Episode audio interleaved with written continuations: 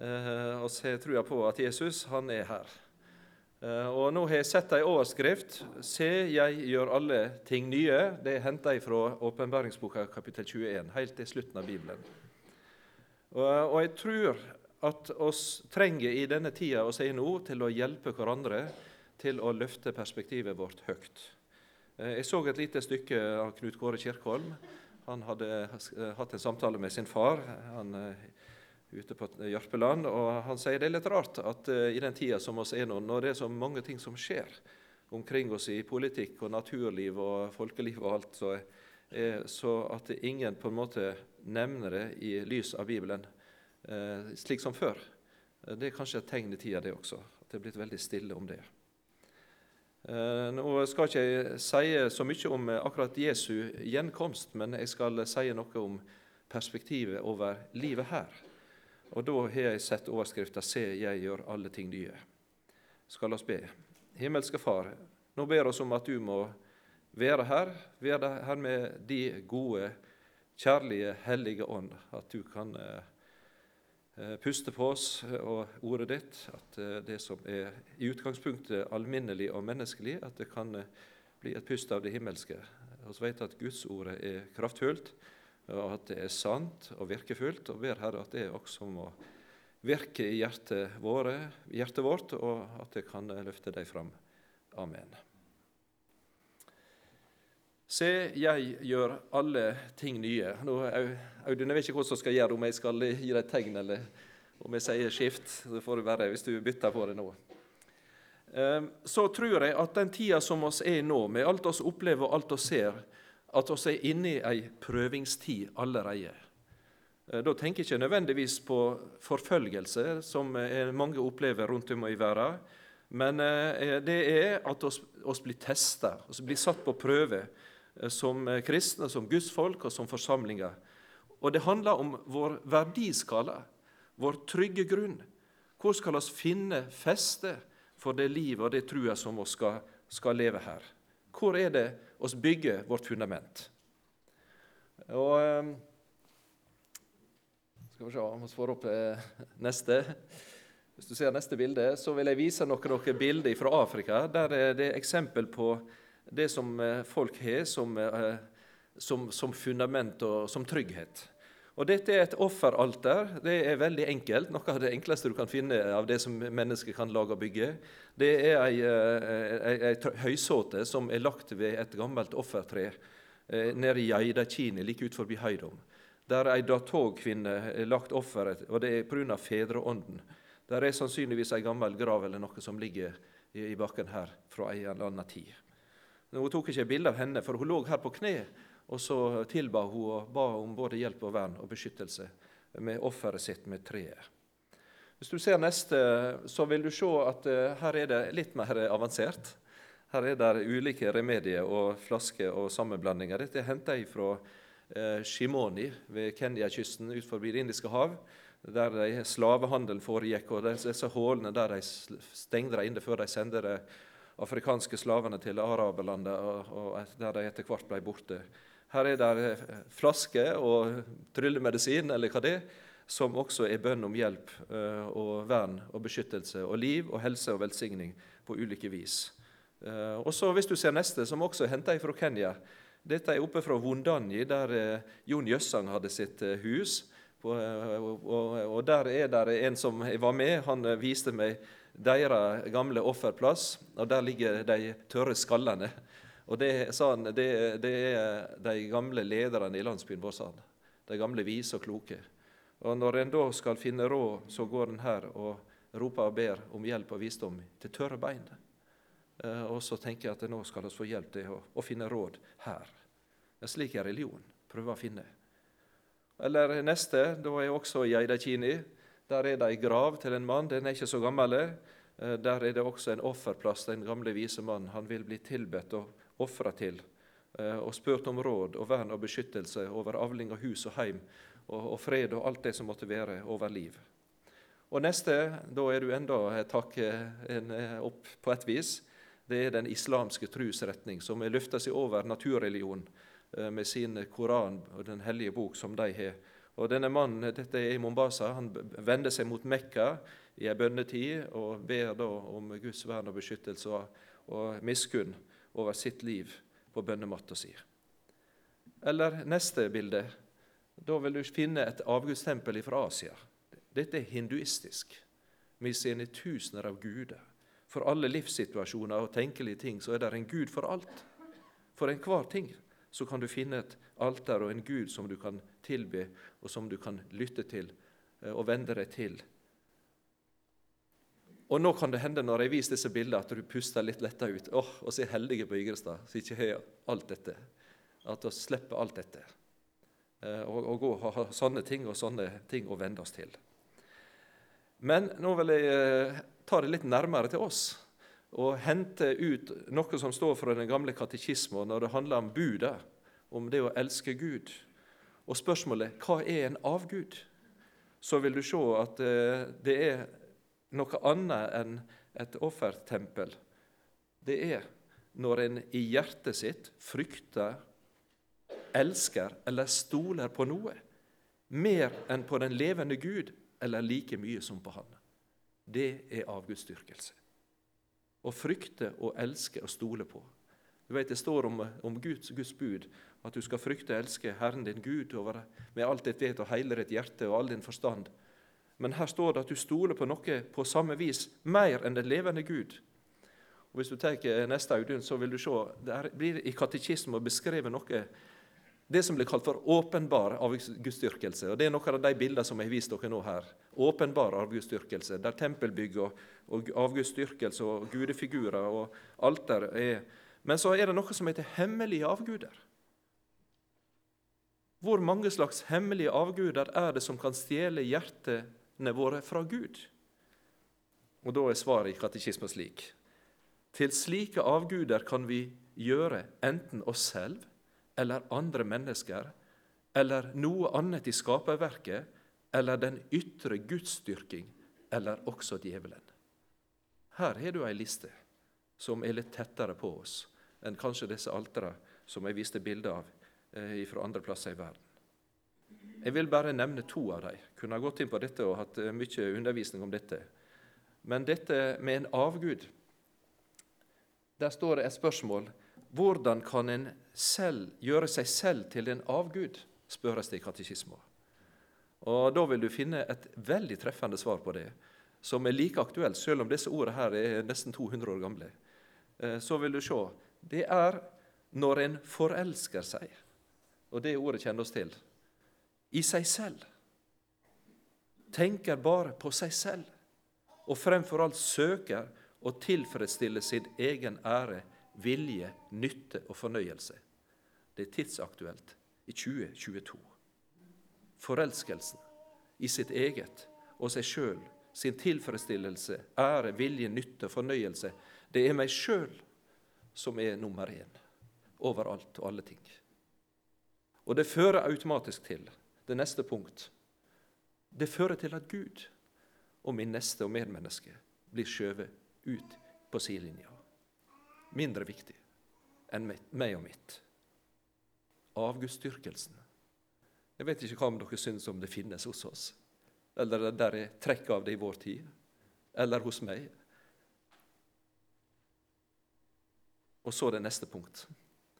Det er et punkt som er, Dette handler om skaperverket. Hvordan kan en gjøre noe annet i skaperverket til sin avgud? Jo, det neste punktet. Svaret på det det er når en blir så glad i noe at ens hjerte finner mer glede, trøst og tillit i dette enn i Gud. Særlig kan vi se dette hos mennesker som elsker penger og gods. De vil tjene både Gud og mammaen. Ja, dette her er nær oss, i Rogaland og på Vigrestad. Kjærligheten, ikke til Gud og til mitt medmenneske, men til det oss eier og til det oss har. Og Her går det an å teste seg sjøl i lys av dette. Hva er det som er min aller største bekymring i hverdagen? Er det økonomien? Er det heimen? Eller helsa mi? Når en blir så glad i noe at ens hjerte finner mer glede, trøst og tillit til dette enn i Gud, ja, hver mann prøver seg.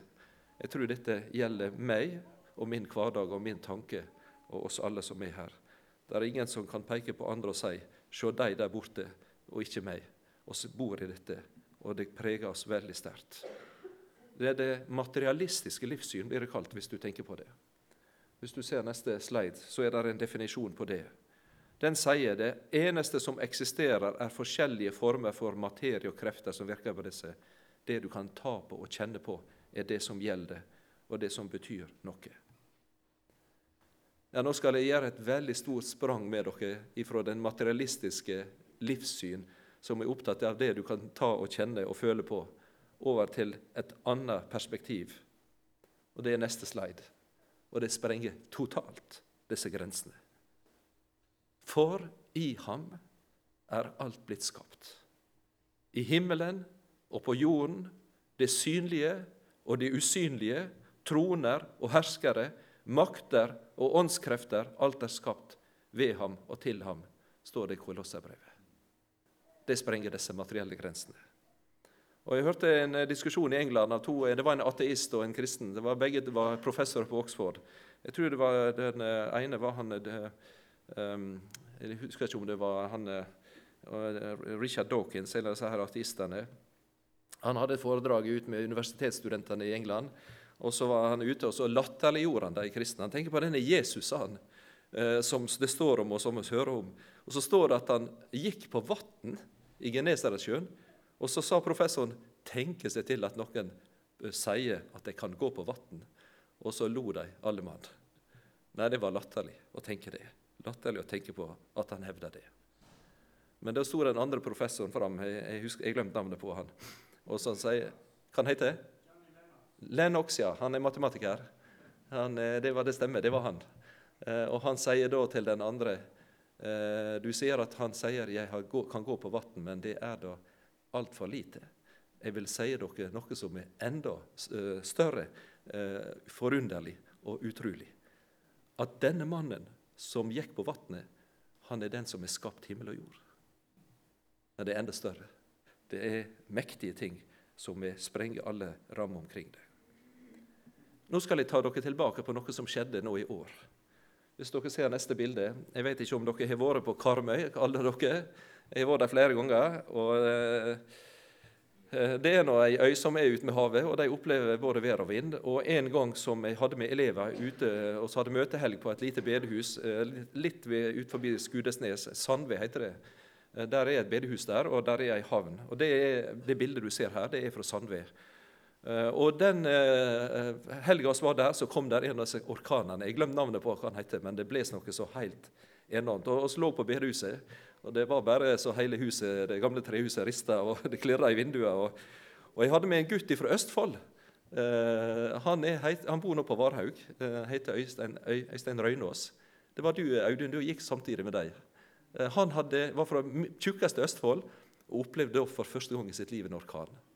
Og Jeg tok han, det sånn gruppa med ned på Ferkingstad, ned på det der minnemerket der. Og klokkespillet som gikk hver time. Han ville ned og se, og jeg sa nå må du passe deg. Dette er farlig. For fjellet skalv, og, og skummet det foster forbi. Og, og på den havna her på Sandved så skjedde det noe i vinter som var. Hvis du ser neste bilde, så skal du få se hva som skjedde her. Dette er en mann fra Karmøy. Han ble 37 år og het Jakob. Han ofrer sitt liv for å redde en åtteåring, står det her i denne her, eh, oppslaget. her. Og Her ser du bildet av han. Han lever ikke lenger, denne mannen. Og Det var grunnen til det. Det kan du få se på neste slide. Dette her ble opprettet en sånn spleis, en innsamling. Søndag ja, jeg sa det var i dette vinter, men det var før jul. da. Søndag ettermiddag 20.11.2021 var Jakob ute og gikk tur sammen med sin kone da han ble gjort oppmerksom på en åtte år gammel gutt som hadde havnet i vannet ved Molo på Sandved. Det var svært dårlig vær den dagen, og Jakob sprang til stedet. Uten å nøle hoppet han i vannet for å hjelpe. Han kjempet hardt og klarte å holde gutten flytende, frem til noen surfere som var i nærheten, oppdaget hva som foregikk, og kom for å hjelpe med å få gutten i land. Jakob selv mistet bevisstheten og ble liggende livløs i vannet. Og Hvis du tar neste slide Ser du dette her? Dette er en spleis. Bygdefolket og de som kjenner han, setter i gang en innsamling for å prøve å støtte heimen. Eh, og Du ser de to barna hans på sida her. Kona, de som levde igjen. Så sier de det. Jakob ga det største offer et menneske kan gi. Takket være Jakob kom den åtte år gamle gutten fra hendelsen med livet i behold. Sånne historier som dette det er et speilbilde av det som skjedde i stor skala knytta til personen Jesus. Han ofra sitt eget, ga avkall på det, uten å tenke på eh, sin fortjeneste eller sitt liv og sin framtid. Så hoppet han ut, eh, og han berga en åtteåring som resten av livet kommer til å fortelle for sine og eventuelt barn og barnebarn at de lever pga. en mann som heter Jakob. Eh, han ble 37 år. Dette er et bilde, synes jeg, som på en måte sier noe til oss. Og Hvis du ser neste bilde, så vil du si det at du som er venn av Jesus, som hører til med han, du er på vei til himmelen, og samtidig så er du hjelpesmann i den store redningsaksjonen her. Mens du lever. Du er på vei til himmelen, du har et mål, men mens du lever og går her, så er du hjelpesmann i den store redningsaksjonen. Neste slide.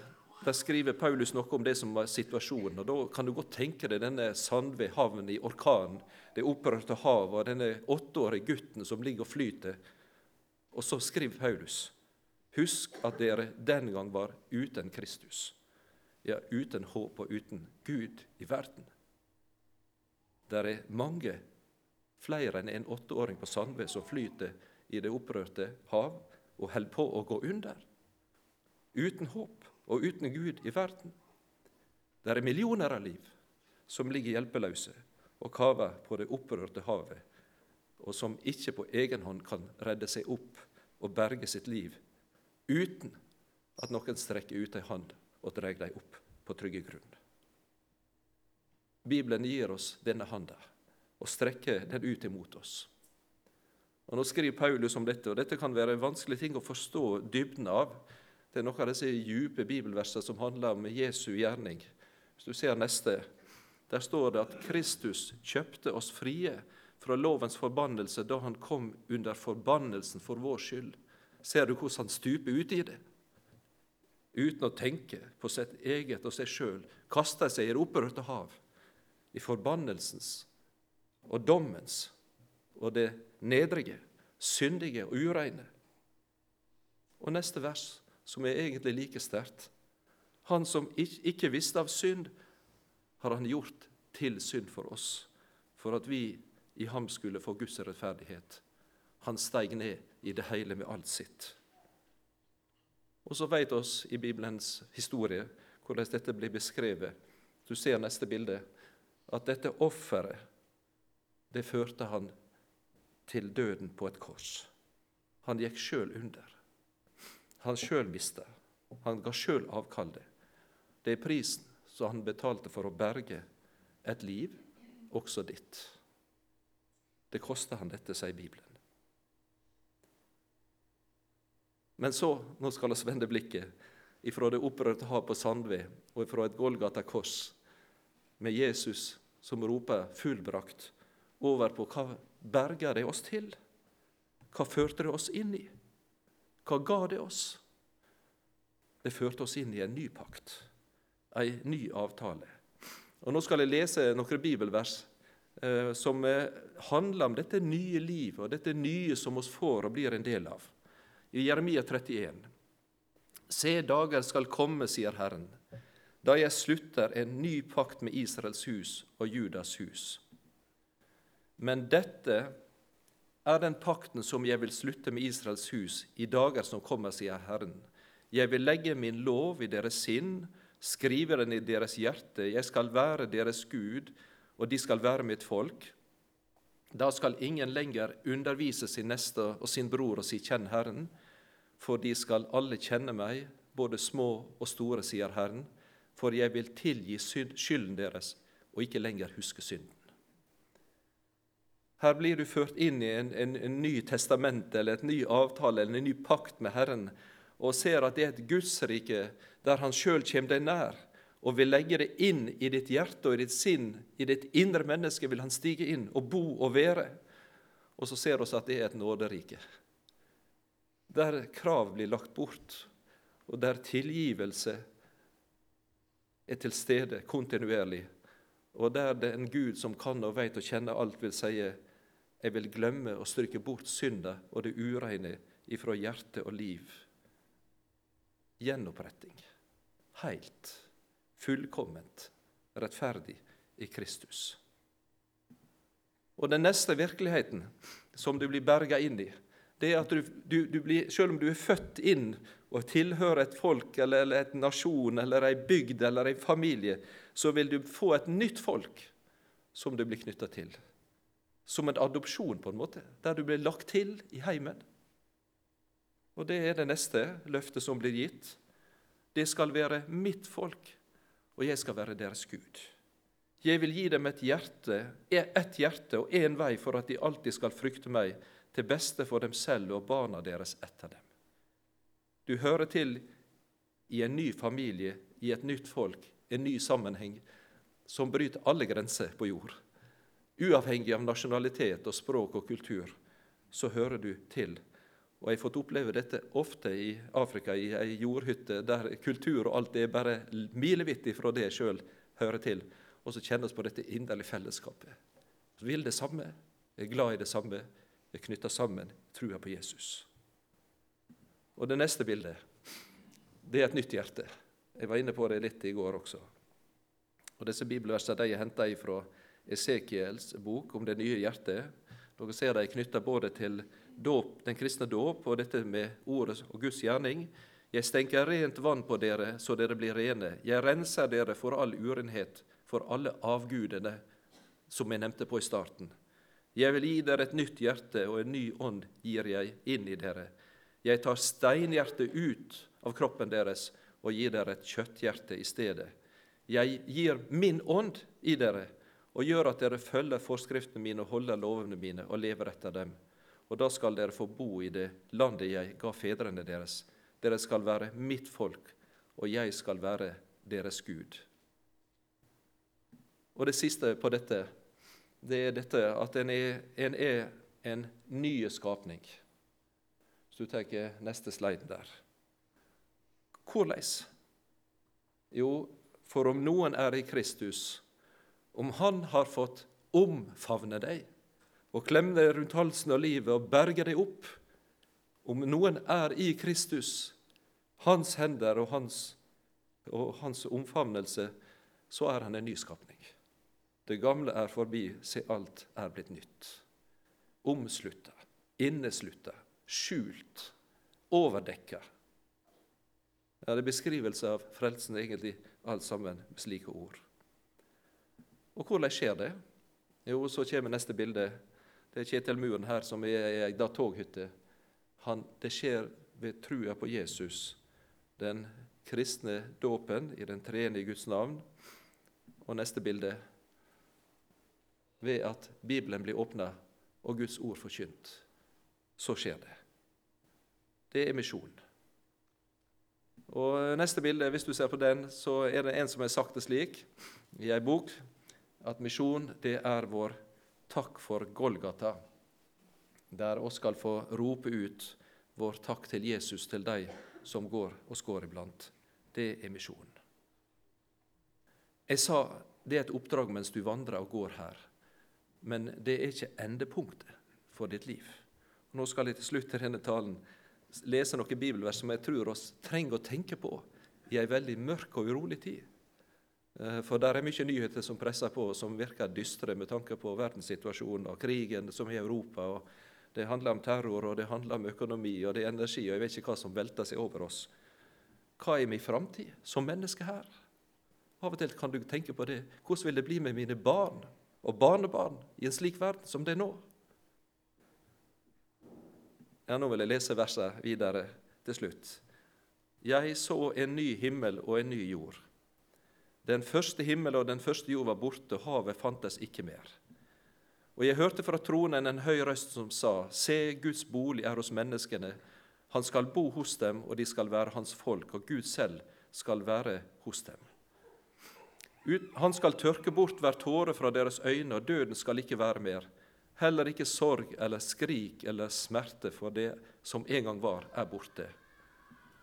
Og så kommer dette fantastiske verset. Han som sitter på tronen, sa, Se, jeg gjør alle ting nye.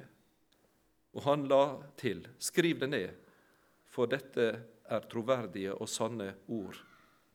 Og så spør jeg spørsmålet, hvem tror du har siste ordet? Hvem tror du har siste ordet? Og så skal Den hellige ånd og den kristne menighet få si Ånden og bruden sier 'kom', og den som hører det, skal si 'kom', og den som tørster, skal komme, og den som vil, skal få livets vann som gave, eller for intet, som det står. Det er innbydelsen til alle de andre. Det er innbydelsen til alle de andre. Det er misjon. Det er verset som står her. Når Ånden og bruden sier 'kom'. Og så er det de Hvis jeg tenker jeg skal ta et par bilder til, så skal jeg stoppe. Det er mange i verden som ennå ikke har fått ta imot. Ikke fordi de har avslått, men fordi de ikke har fått kjennskap og kunnskap til berginga og veien til himmelen. Uten Gud og uten håp i verden. Og Da skal du få dele med deg det veldig gode budskapet.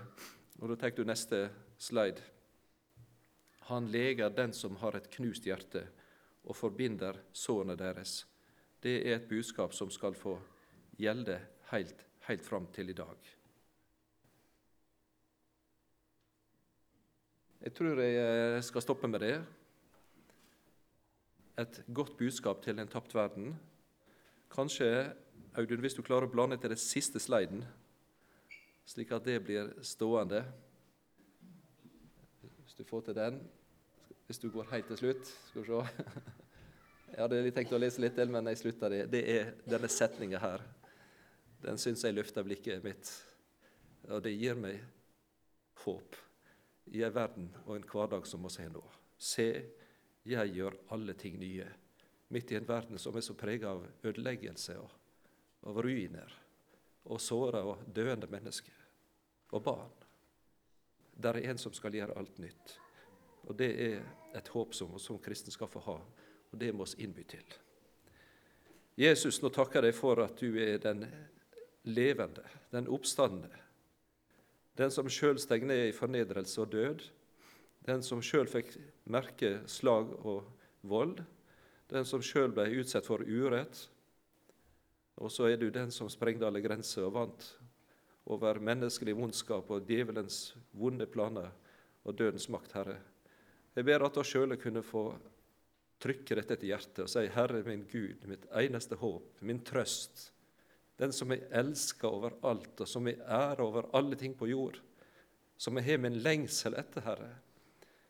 Og Jeg ber at den lengselen og den kjærligheten må bli større enn det som oss eier her. At ikke oss sjøl, Herre, kunne bli stått på truen, eller det som oss eier, blir nummer én, men at det er du og deg alene. Og så er det mange som ligger og kaver, Herre, med sitt. Og så ber oss som bruden, som Kristi menighet, og som Den hellige ånd sier, kom, for alt er ferdig. Og det takker jeg for. Amen.